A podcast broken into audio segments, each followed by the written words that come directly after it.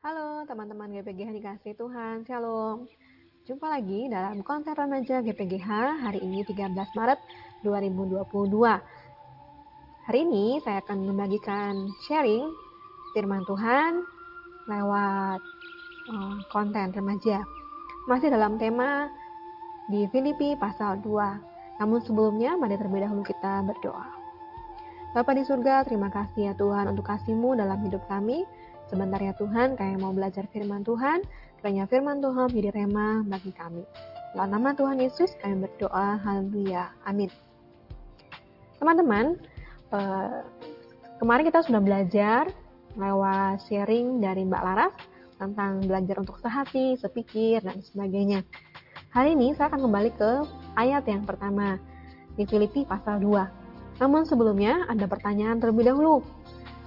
Menurut teman-teman, Apakah arti dari gereja untukmu? Apakah arti komunitas rohani bagimu? Apakah arti kekristenan?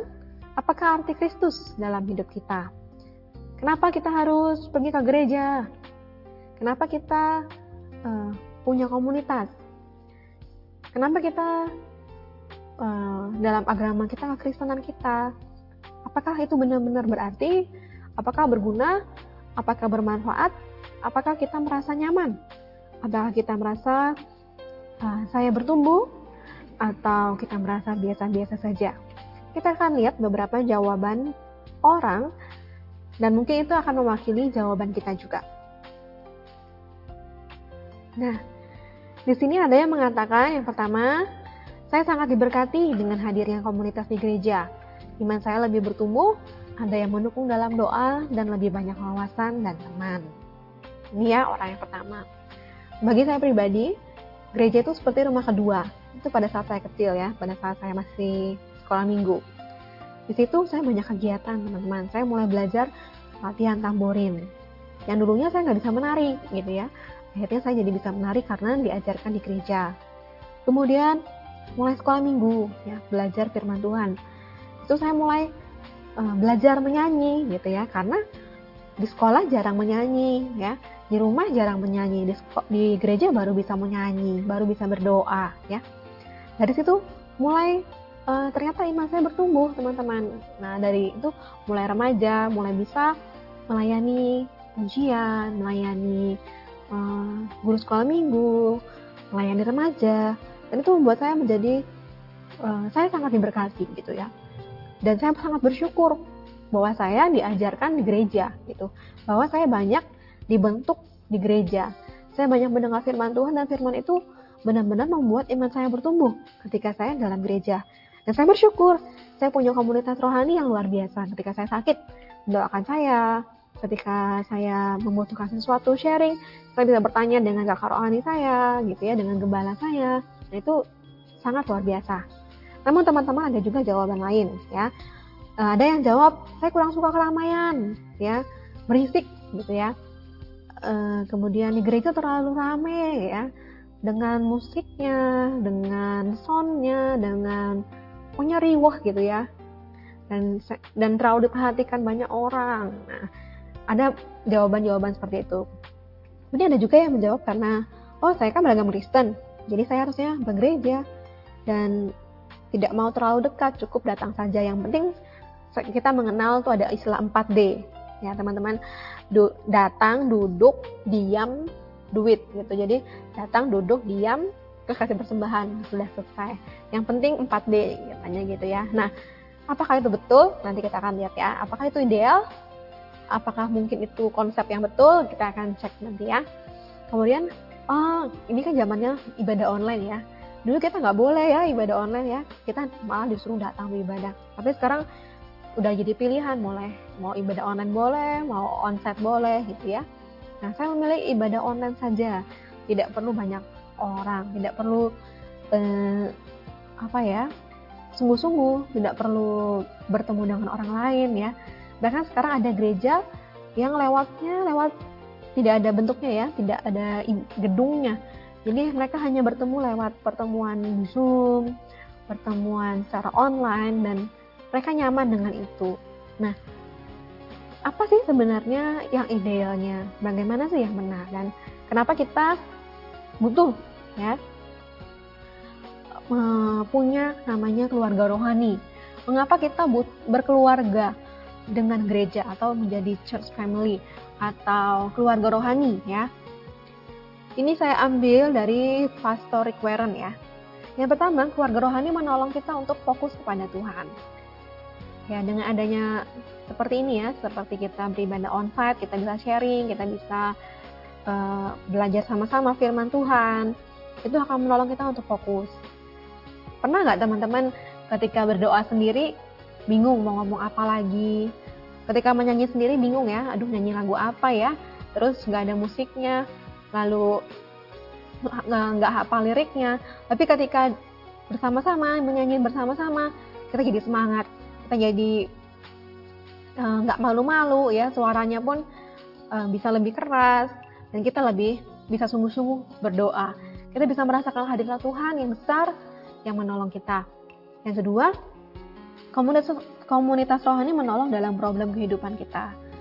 Nah ini ya kita juga penting punya komunitas rohani atau keluarga rohani yang bisa memberikan solusi ya.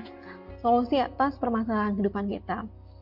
Mungkin kita tidak berupa materi ya. Tidak berupa sesuatu yang besar. Tapi perhatian dukungan doa itu luar biasa ya. Itu yang tidak bisa dibeli dengan uh, uang gitu ya ada banyak orang kaya teman-teman. Ada banyak orang yang uh, contoh ya seperti kita tahu di Jepang mereka kaya mereka punya uang tapi mereka hidup sendiri ya tidak berkomunitas. Dan apa yang terjadi? Apakah mereka uh, bisa survive? Uh, nggak juga gitu ya. Jarang uh, banyak juga yang mengalami depresi ya mengalami stres karena sendiri gitu ya. Itu artinya kita butuh komunitas rohani yang bisa menolong kita sekedar sharing aja, sekedar cerita aja, sekedar bahasa uh, ngobrol saja itu bisa jadi apa ya bahasanya sekarang self healing buat kita gitu ya. Kemudian keluarga rohani bisa mendorong pertumbuhan iman kita, betul ya. Seperti ya tadi yang saya bagikan, bagaimana dengan adanya keluarga rohani uh, bisa memacu kita. Mungkin sesekali ada yang namanya gesekan gitu ya, uh, tidak cocok dan sebagainya tapi ternyata itu malah membuat kita semakin bertumbuh, semakin jadi lebih sabar, semakin lebih mengerti orang lain, semakin lebih mengurangi ego kita dan sebagainya ya. Nah, the church is a spiritual family you belong to and it's the important dan is the most important thing on earth ya. Gereja adalah uh, keluarga spiritual kita. Gitu. Kita di rumah punya keluarga, di gereja kita ada punya keluarga rohani ya. Keluarga rohani yang itu penting loh gitu. Banyak orang sekarang semakin idealis ya. Semakin cuek semakin tidak peduli dengan orang lain semakin mau sendiri ya. Nggak mau diusik gitu ya. Tapi ternyata penting loh gitu. Jadi teman-teman mari kita ubah mindset kita bahwa ibadah itu penting, gereja itu penting, komunitas rohani itu penting, keluarga rohani itu penting. Gitu. Jadi mari buka hati lebar-lebar untuk bisa menerima teman-teman yang lain sebagai keluarga, sebagai saudara, menerima yang lebih tua sebagai orang tua kita, menerima adik uh, yang kecil dari yang lebih muda dari kita sebagai uh, adik-adik kita, gitu ya teman-teman. Oke, ada satu kata-kata yang baik nih ya. Kamu tidak dapat menjadi apa yang Tuhan mau tanpa orang lain di hidupmu. Ya, jadi kalau kita mengenal dengan istilah namanya makhluk sosial ya, kita tidak bisa hidup tanpa orang lain. Begitu juga dengan uh, targetnya Tuhan. Tuhan menciptakan kita bukan untuk sendiri, bukan untuk menyendiri, ya, bukan untuk bikin gereja sendiri, kita diam sendiri gitu ya. Tapi Tuhan ciptakan kita untuk kita bersama dengan orang, orang lain, gitu. Nah, teman-teman, apa sih checklist komunitas yang ideal, ideal menurut Alkitab? Nah, ini kita yang jadi menat kita. Filipi 2 ayat 1, jadi karena dalam Kristus ada nasihat, ada penghiburan kasih, ada persekutuan roh, ada kasih mesra, dan belas kasihan. ada lima hal ya yang menjadi checklist komunitas yang ideal. Kalau dalam bahasa Inggrisnya itu ada konsolasi, ya konsolasi, konsolasi itu ya konsol ya nasehat ya konsul nah dan sebagainya. Ada penghiburan kasih comfort of love ya kenyamanan. Ya, uh, harusnya gereja itu memberikan kenyamanan gitu ya penghiburan gitu. kemudian ada fellowship persekutuan roh kita sering nyebut dengan fellowship fellowship ya. Sebenarnya apa? Kita bersekutu dalam roh. Seperti apa? Seperti jemaat yang mula-mula, mereka berdoa, mereka membaca Alkitab bersama-sama, bahkan mereka sharing ya. Bukan hanya itu aja, mereka malah berbagi harta kekayaan mereka, berbagi makanan mereka, berbagi roti mereka. Itu namanya persekutuan roh. Jadi teman-teman ayo kita terlibat gitu, bukan hanya terlibat untuk datang saja, tapi kita benar-benar bersekutu dalam roh. Artinya benar-benar dalam doa kita sehati, dalam kita bersekutu, firman Tuhan kita sehati, dalam kita melakukan kegiatan kita sehati, bahkan ketika kita harus berbagi, ya, seperti jemaat mula-mula harus berbagi kekayaannya mereka, menabur sama-sama, ayo gitu ya, terlibat. Keluarkan sedikit ya dari dompet kalian kebersamaan, untuk pekerjaan Tuhan ya. Percaya bahwa Tuhan pasti akan memperhitungkan segala sesuatu. Ada kasih mesra ya, itu dikatakan if any bows and mercies. Ada belas kasihan ya. Jadi uh, mungkin teman-teman merasa masa ini orangnya cuek. Cuek itu bisa diasah jadi perhatian gitu ya. Saya dulu di sana juga cuek gitu ya. Orang nggak datang ya udah. Orang nggak mau ibadah ya sudah gitu. Tapi semakin dewasa semakin belajar ternyata enggak loh ternyata jangan dibiarkan ternyata justru Tuhan ajarin kita untuk punya belas kasihan untuk kita merangkul kembali untuk kita mencari kembali orang yang terhilang gitu ya. Ya selanjutnya teman-teman bagaimana aplikasinya? Apa yang kita pelajari dari ayat ini? Yang pertama adalah membangun komunitas yang ideal dan melakukan lima hal tadi bukan hanya atau dapat dilakukan orang tertentu melainkan tugas semua orang percaya. Nah ini catat ya teman-teman ya. Kita merasa ah saya kan cuma jemaat. Oh saya masih remaja. Oh saya kan baru dibaptis satu tahun itu bukan tugas saya itu tugas pendeta. No ternyata teman-teman ayat tadi berbicara untuk kita semua. Untuk kita semua yang ada dalam Kristus. Yang tua yang muda yang dewasa yang remaja. Firman Tuhan berbicara bagi kita. Jadi yang harus melakukan itu siapa? Kita. Jadi bukan hanya yang bisa memberikan nasihat itu orang yang tinggi posisinya tinggi tidak ada. Ya Nasihat itu bisa juga datang dari anak kecil.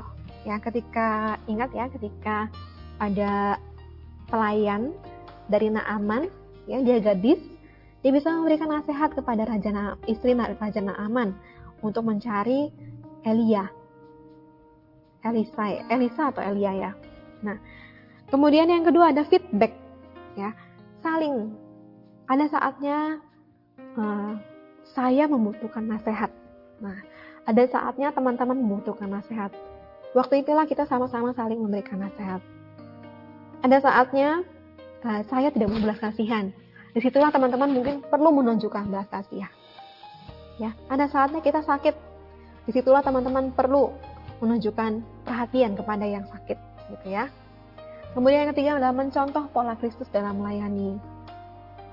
Ini yang menjadi teladan kita. Kristus ya, bagaimana kita belajar melayani seperti caranya Kristus, polanya Kristus. Nah, ada satu ayat di dalam Pengkhotbah pasal 4 ayat 12. Jika satu orang uh, jatuh tidak ada yang menolong. Jika ada dua orang, dua orang itu bisa satu orang lagi bisa menopang. Jika ada tiga orang, maka tidak tidak susah ya, tidak tidak uh, akan sulit untuk dipisahkan gitu ya akan sangat kuat gitu. Jadi penting untuk kita bergandeng tangan hand in hand. Ya dalam pelayanan dalam komunitas dalam keluarga rohani. Ini yang kuncinya teman-teman. Ini yang pesan bagi kita semuanya. Sadar nggak sih kita bahwa kita ini adalah ambasadornya Tuhan? Dutanya Kristus ya. Kita sekarang banyak mengenal istilah ambasador ya. Ambasador Shopee, ambasador Tokopedia, ambasador kemarin yang baru-baru itu Paris ya Paris. Apa ya Paris uh, on the week apa ya on the year apa apa gitu ya. Nah yang satu hal yang harus kita tahu bahwa kita adalah duta Kristus. Dan tugas kita dalam gereja dalam keluarga Tuhan adalah mengajak orang lain untuk bergabung dalam keluarga Tuhan. Tujuannya apa? Kita mau menjangkau jiwa-jiwa. Kita mau belajar mengasihi orang lain. Kita mau belajar melayani Tuhan ya di pemuda remaja ini waktunya kalian terus ya kita terus dorong untuk kalian terus bertumbuh dalam Tuhan, untuk kalian terus mengalami Tuhan. Dan goalnya adalah kita menjadi ambasadornya Tuhan. Kita memperkenalkan Tuhan lewat hidup kita, lewat uh, sikap kita, kalau kita adalah anak-anak Tuhan. Nah teman-teman, satu hal yang saya mau belajar bagikan adalah mari aplikasinya teman-teman. Mari kita banyak uh, melakukan sharing firman Tuhan.